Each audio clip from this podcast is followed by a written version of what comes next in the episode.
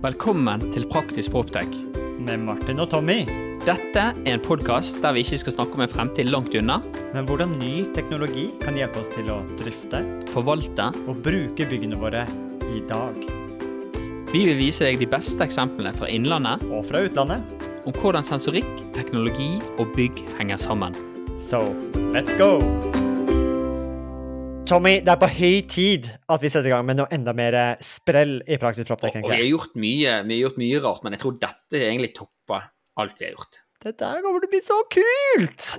Og vi har gjort mye i våre ja, Hvor mange år nå? Det er vel to år siden vi lanserte Praktisk Proptech, men det er vel tre år siden vi satt i sofaen i Baseneset. Heter Det, hva er heter det det gatenavn, faktisk, men på Askøy for, for den eh, gjennomsnittlige litt Outa jeg deg nå? Og Kanskje Hallo. du får uh, fans rett på hjemmedøra? Beklager at jeg nevnte Jeg skal beepe ut adressen din. Det er vel eh, tre år siden på sommeren, juni 2020, at vi satt på sofaen hjemme hos deg, så pitcha jeg vel Første gang jeg pitcha at vi skulle starte podkast, så var du ikke helt solgt. Nei, men det var kanskje litt med navnet. Det var Air, Airtalk, var ikke det? Det ble litt uh, for luftig, for mye luftslott. Men vi fikk da med, et, med god hjelp av en uh, ungarsk coach. True story. Eh, seks måneder senere så fikk vi lansert eh, praktisk eh, Proptech februar 2021, og eh, vi sitter her fortsatt. Men herregud, det var mye Jeg, jeg jobb. tror ingen av oss visste hvor mye jobb det kom til å være. Og det, det er kanskje bra, for ellers så tror ikke vi hadde gjort det. Men, men jeg er jo veldig takknemlig for at vi har gjort det, da. 72 episoder senere, vi er her fortsatt, og we're going strong. Jeg lurer på, Tommy, bare til å ta deg med litt tilbake dit, skal jeg spille av, apropos dugnad, apropos eh, motivasjon, apropos å, å stå i det.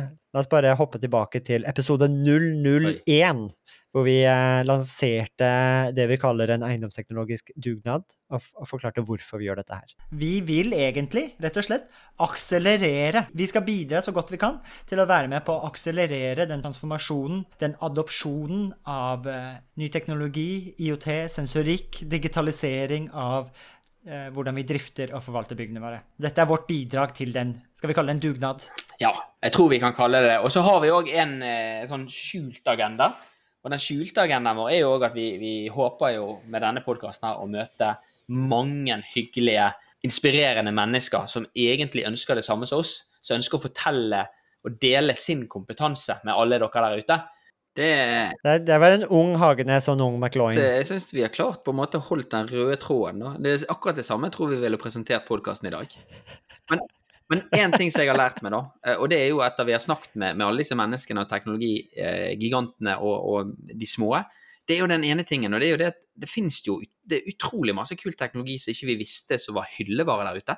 Og når vi har spurt de liksom off-mic etterpå Ja, men denne her enheten her, dere har hatt den i fem år, han er kjempesmart, det er et API på en MQTT. Hvorfor ser vi han ikke ute i bygg? Og da får vi gjerne den erkjennelsen men vi har ganske kjipe kunder, egentlig. For de kjøper de samme komponentene som har gjort i 20 år.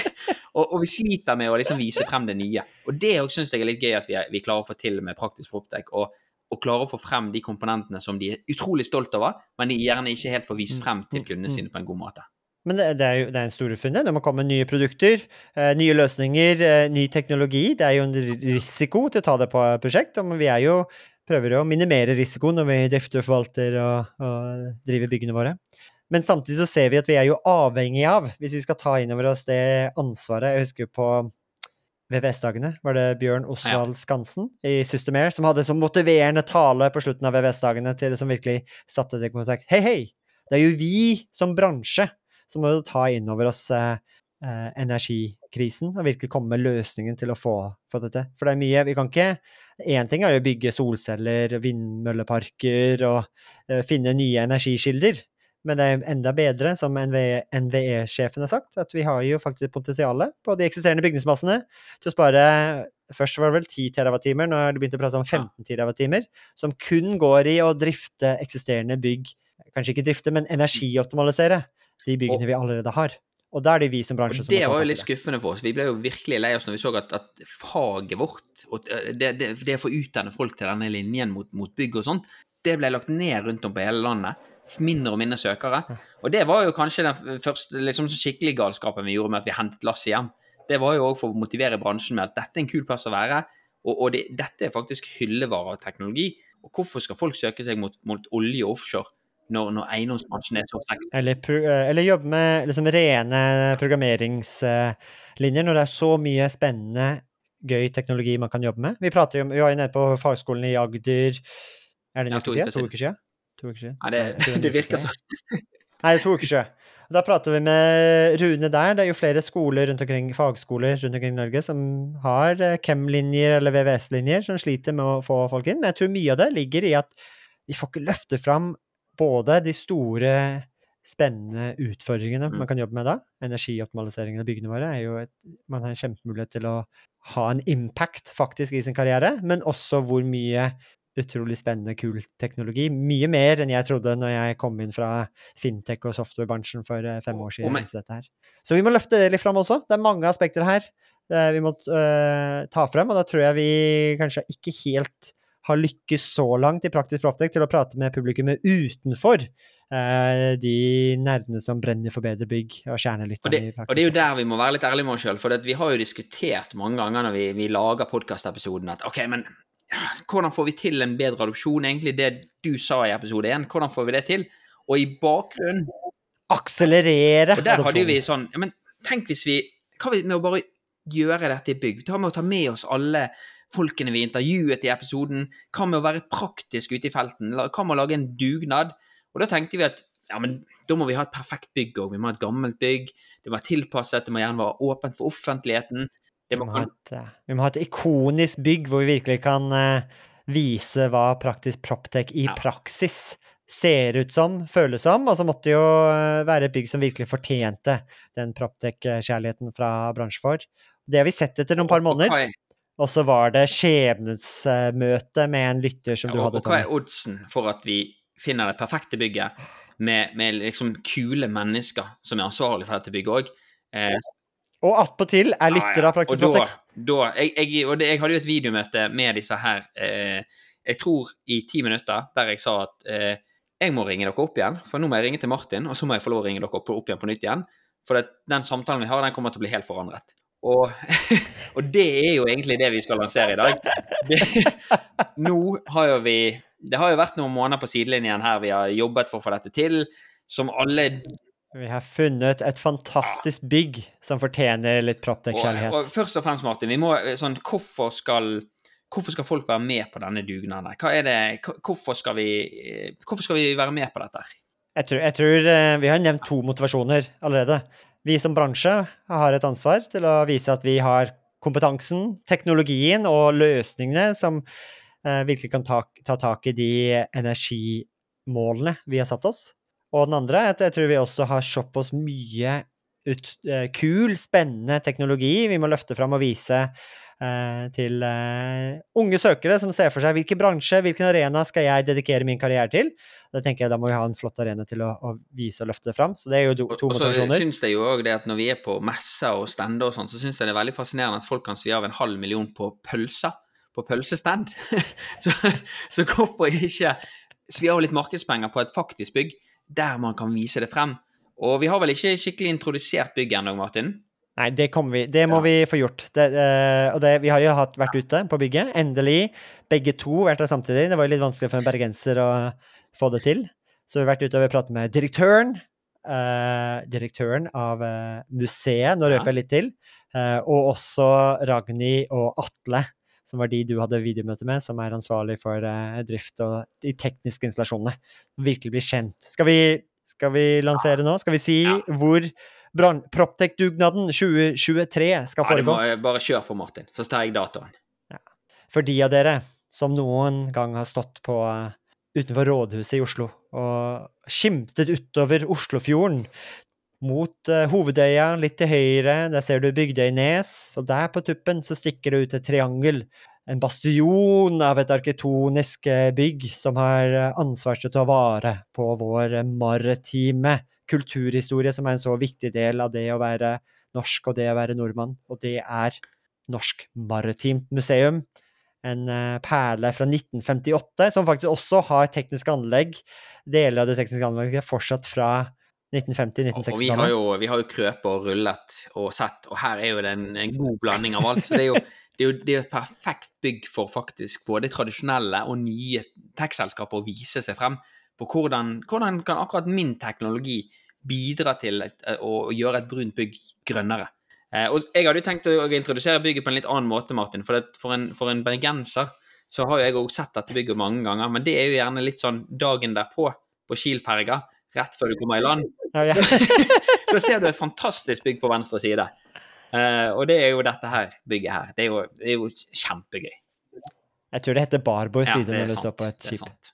Men, og datoen Vi har allerede Altså, vi, her, her rir vi nesten samme dag som vi Sala. Datoen er jo bare noen uker unna. Det blir 14. juni. Så 14. juni, da inviterer vi til uh, Proptech-dugnaden 2023 del 1.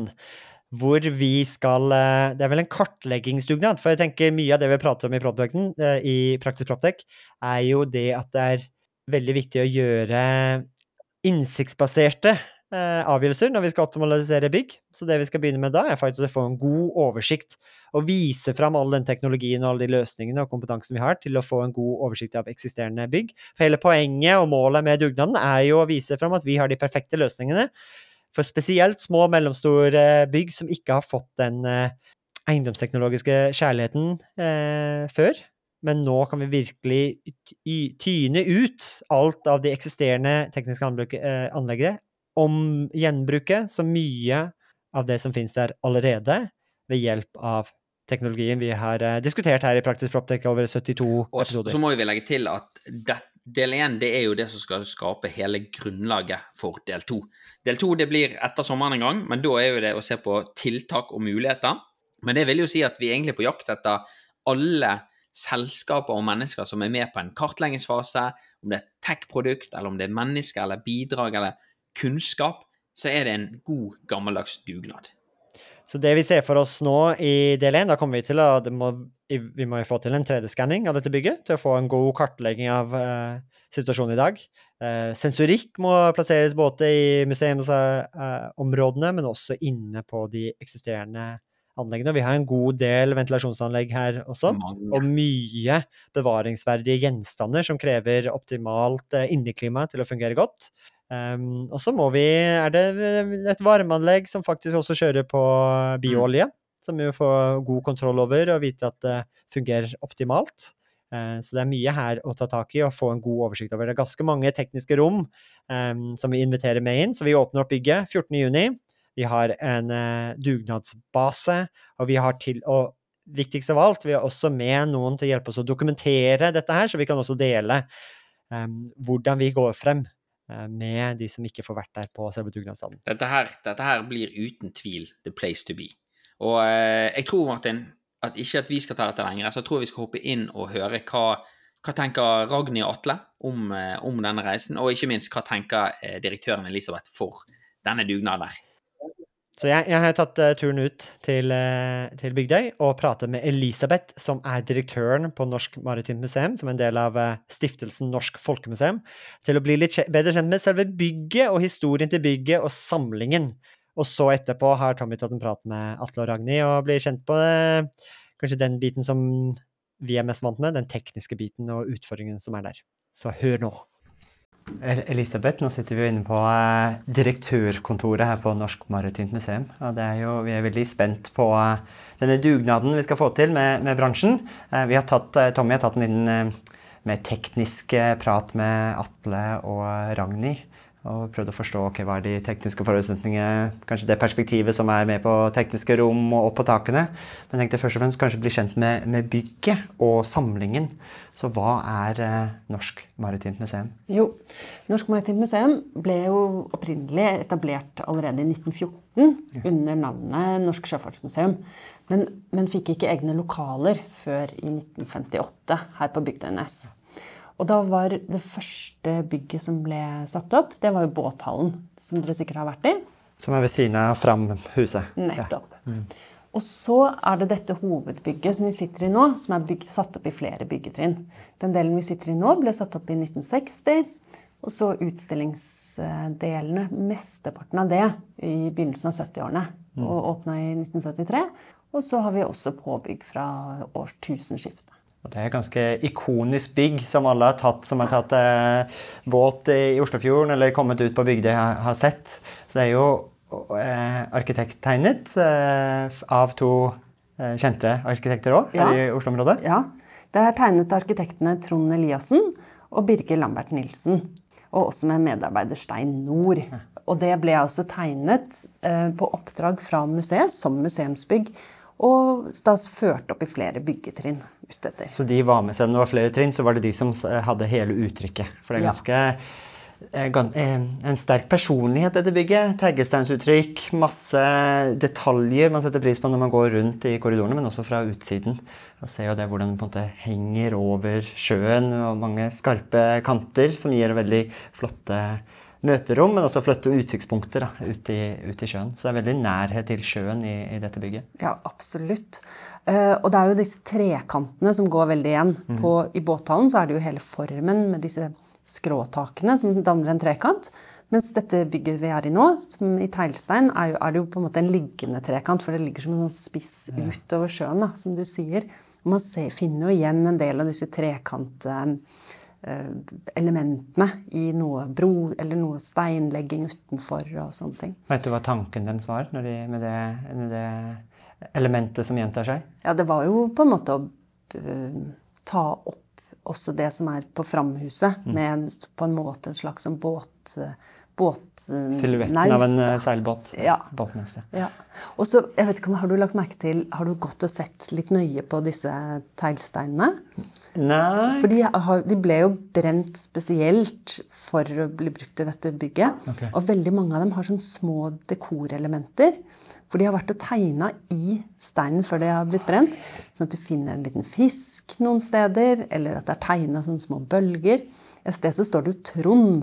Og det er en av, en av arkitektene også som har eh, fått navnet sitt. Vært på teglsteinverket og Ja. Mm. tegnet inn i forkant. Den må vi finne. Trond, Ja. Trondsteinen. Ja, Vet du se- hvor den er? Ja, ja. Ja, okay. Så det er eh, masse sånne litt sånn små hemmeligheter og kriker og kroker også.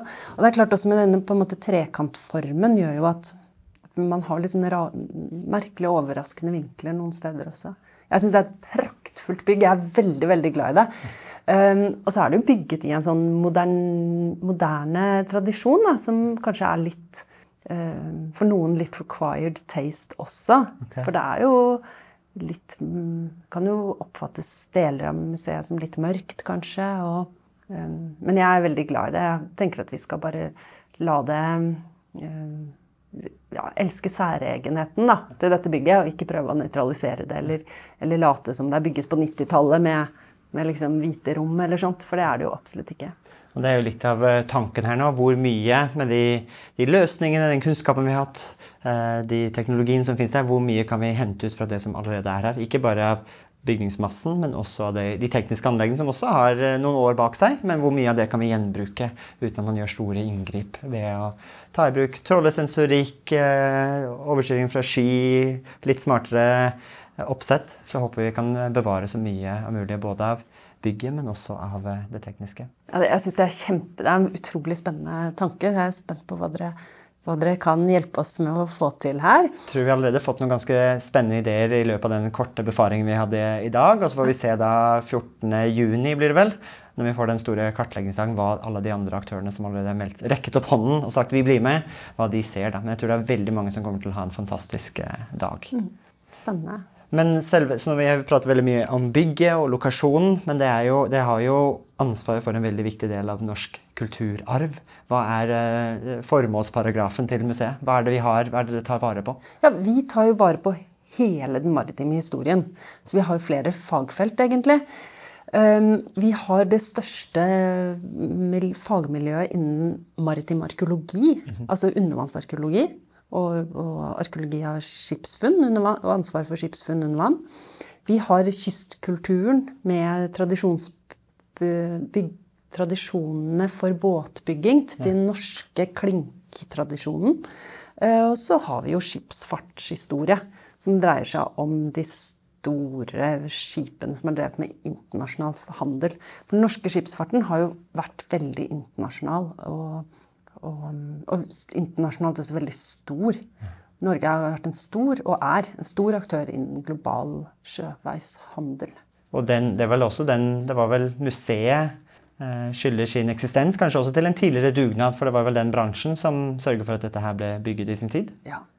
Da museet ble dannet, da må vi helt tilbake til 1914, så var jo det også fordi at da, da var man i ferd med å legge tilbake Altså seilskipenes tid var i ferd med å ebbe ut. Ja. Og da var det en del folk som jobbet i skipsfart, som så at, at, at det var liksom et paradigmeskifte, og det var viktig å ta vare på de tradisjonene og kunnskap om hvordan man hadde drevet med sjøfart tidligere. Mm.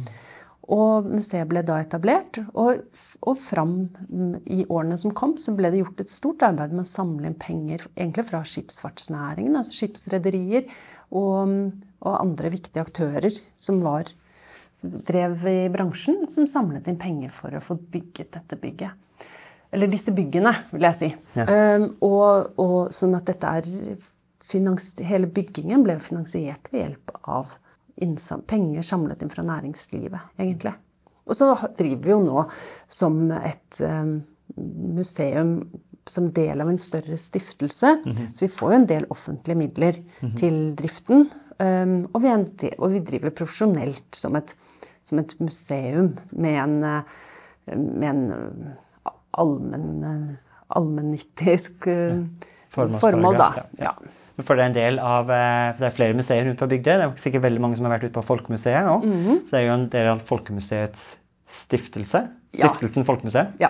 Og der er det jo både Norsk Folkemuseum, Kongsgården er der, Norsk Maritimt Museum, Bogstadgård, okay. Eidsvoll 1814 og Ibsenmuseet.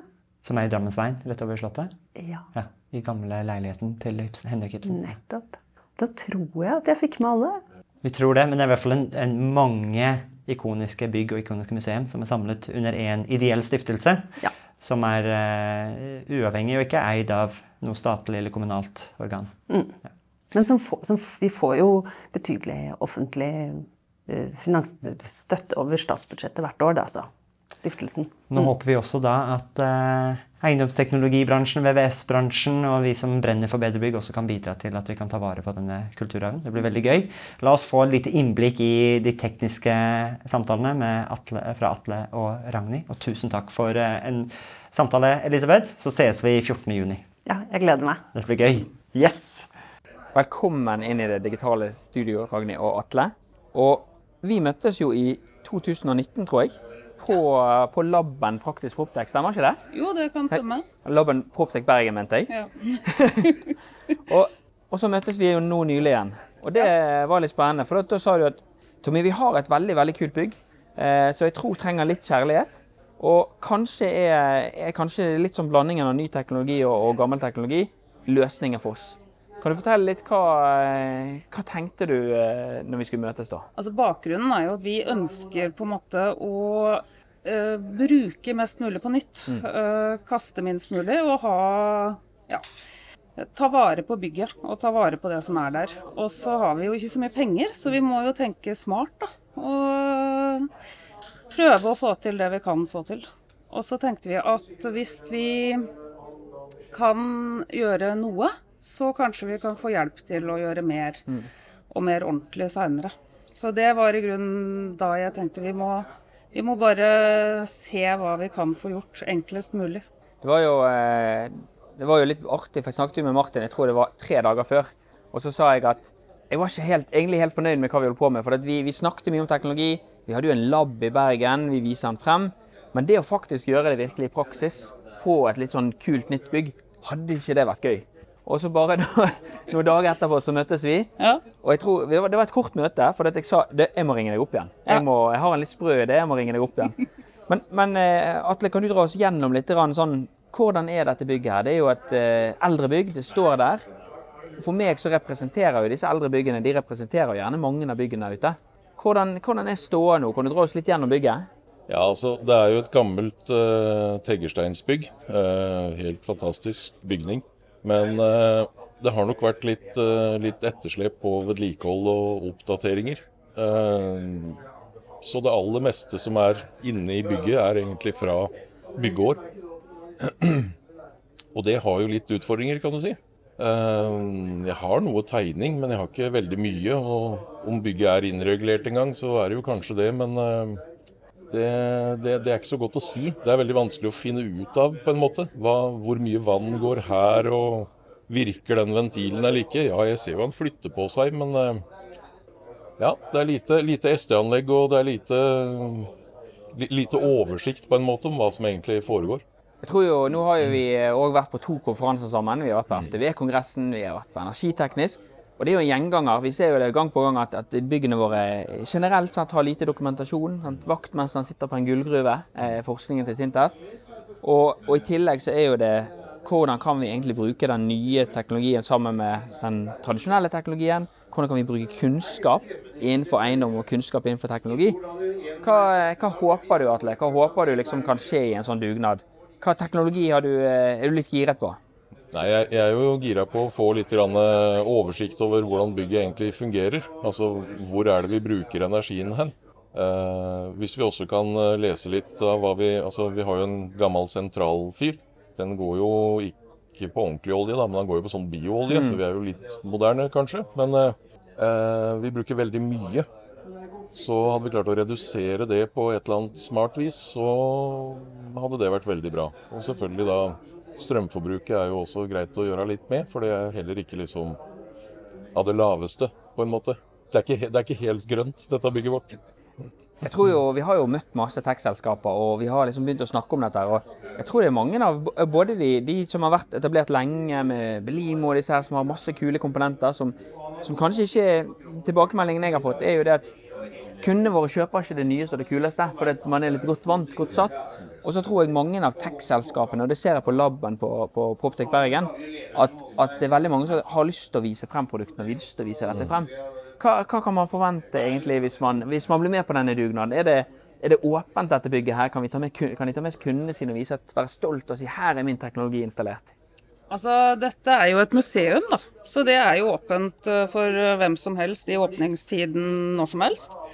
Og alle er jo velkomne til oss, det må vi jo si. Så har vi selvfølgelig noen sånn bak baksiden av publikumsarealene som vi gjerne viser fram hvis det er ønskelig.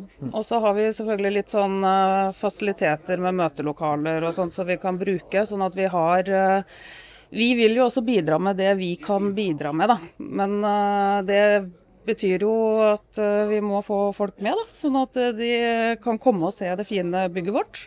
Uh, ja, er det noe mer vi kan love de? jeg, jeg, tenker jo det at vi, Her er det altså muligheten for å booke møterom og gjerne ta, ta, en liten strategisamling eller workshop ja, ja, ja. Og, og, sånne ting. Så det. Flotteste utsikten i byen. Det, og det må jeg si meg enig på. Selv en fra Vestlandet syns det, det, det, Med sjøen og havet, og det er jo helt magisk. Men hvis vi tenker litt sånn, sånn eh, Nå skal vi gjøre del én, dugnad for å få litt innsikt på bygget. Hvis vi klarer å få dette til å bli om til en digital tvilling, vi klarer å måle innendørs luftkvalitet, vi klarer å måle eh, rørsystemet og vannsystemet, hva, hva, skal til for at dette blir en, en suksess, Atle? Hva, hva har det liksom vært din våteste, villeste drøm å få i dette prosjektet? her? Nei, At vi faktisk klarer å få gjennomført det, tenker jeg. Det er, eh, altså hvis, det, hvis, hvis vi får til det her, da mm, Altså, det, det, tok jo ganske lang tid for meg å få lukket igjen munnen etter at vi, vi snakka sammen første gangen. For det, haka datt jo liksom bare ned. fordi at dette er jo sånn bare du hører om som du aldri tror du skal oppleve, på en måte. For du, du, vil jo alltid det beste for bygget ditt. ikke sant? Og vi, vi, driftere behandler jo bygga som våre egne. Altså som mitt eget. Eller ja. Og det, det er jo liksom Det blir jo hjertebarnet ditt, da. Og så føler du liksom at du får ikke liksom hjelpa det på den måten du vil, fordi at eh, ja, du ikke har helt oversikt, og, og, og ting eh, løper litt løpsk. Det er jo eh, det er fantastisk. Jeg husker Martin sa til meg For du reiste på ferie etter første møtet vårt med Martin. Og så fikk vi en mail av deg så sa du aldri gledet meg så masse til å komme tilbake fra ferien. Og da sa Martin dette her Tommy, dette her er grunnen til at vi skal drive dugnad. Ja, ja. Det var så motiverende. Ja, det, det var så kult. Så det, jeg, jeg, reiste jo på ferie rett etter uh, møtet, og det Ja, jeg, jeg har aldri gleda meg så fælt til å komme tilbake igjen på jobb, faktisk, fra en ukes ferie. Det, det var dritkult, må si det. Jeg er jo sånn Avslutningsvis så syns jeg eh, dette her blir jo kjempegøy. Nå, nå prøver vi, og det er jo det vi, vi gjør i alle dugnadene. Vi har, Lassie har kommet hjem. Kanskje nå så kan vi både liksom forene prop og tech på et bygg. Vise istedenfor å, å, å kjøpe pølser på VVS-messene, kanskje det er her vi skal putte, putte det lille ekstra for å vise at vi har, et, vi har fantastiske produkter som virker hver for seg, og sammen er det enda bedre. Og så blir det òg spennende å se om vi klarer del to, som er, går fra innsikt til faktisk å gjøre noe og fikse opp i dette. Ja. Å være med på den læringskurven på, på, på ny teknologi på bygg, og, og, være en arena som kan vise det her til andre, det hadde vært kjempespennende. Det er jo eh, litt sånn eh, avslutningsvis, da, men sånn Isfjelleffekten er jo Nå har vi en liten plan, vi vet hva vi skal få til. Men det som jeg syns er alltid fascinerende, er jo de tingene du ikke vet du skal lykkes med.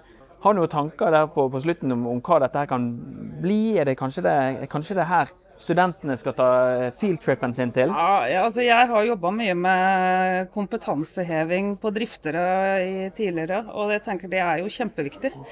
Så å ha en arena for å vise fram hva man kan få til, det er kjempefint. Så det er jo også noe vi er veldig, veldig glad for, hvis det kan bli det. Så alle som er interessert, må hive seg med. Dette, blir jo, dette blir jo kjempegøy. Det er jo bare, det er bare snakk om uker før, eh, før, dagen er der. Jeg tror, vi, jeg tror, stemningen, jeg tror alle kjenner at vi gleder oss. Dette her er reisefeber til Syden, altså. Tusen takk for praten, og så møtes vi på dugnaden. Det gjør vi. Takk skal dere ha. Og som jeg gleder meg. Nei, dette blir gøy. Dette blir gøy. Ah. Men da, da, er det bare én ting eh, som gjenstår. Det er jo å gå inn på praktiskproptech.no. Der ligger det egen fane som heter Dugnaden 2023. Eh, og der er det jo bare å melde seg på, og lese og eh, ta kontakt med meg og Martin hvis dere lurer på noe. Og vi har jo et ordtak, og det er jo at alle skal med. Så ikke, ikke vær redd for å tenke at, at ikke du har nok å bidra med, eller noe sånt. Er du interessert, gi oss en lyd. Vi, eh, dette, her, dette, her, blir årets happening. Dette blir dugnaden 2023. Men, men uh, dette her er også litt sånn uh, Det har en bucket challenge-vibe over seg. Så når vi pitcha dette her første gang og tenkte på det, så, så, så brukte vi et bilde fra det Eh, at, uh, fra The Bucket Challenge. De som husker det, når man helte over uh, isvannsbøtter på sosiale medier som gikk viralt som en farsott. Det er ikke det vi vil utfordre til nå, men i hvert fall del deltakelse på sosiale medier. Spille en liten filmsnutt og si at dere er med, så får vi vise fram alle som engasjerer seg for eiendomsteknologi, og de som brenner for bedre bygg. Så viser vi at vi står på, og at dette her er noe vi brenner for. Jeg tenker jo det at dugnad sånn, det er jo å spre, spre liksom Eh, engasjement òg. Så det er en video der du sier 'Hei, mitt navn er X. Jeg kommer fra selskap X.' Og vi skal bidra med dette i dugnaden, og selvfølgelig er vi med. Og så er det alltid gøy hvis, ut, hvis du utfordrer noen på slutten, da. Men det er frivillig. Så med det, da er det bare å gå inn på uh, eh, praktiskproptek.no slash dugnaden 2023, eller uh, på LinkedIn. Så ses vi 14.6. Mange av dere, håper jeg. Så blir det en utrolig spennende dag. Og med det nok en episode av Praktisk Proptek over for denne gang. Mitt navn er Martin. Og mitt navn er Tommy.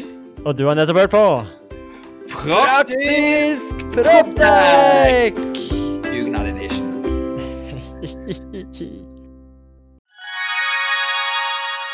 Da dere er 2024 i gang, og et av høydepunktene på starten av året er jo sett sammen et årshjul, og det har vi også gjort, Tommy.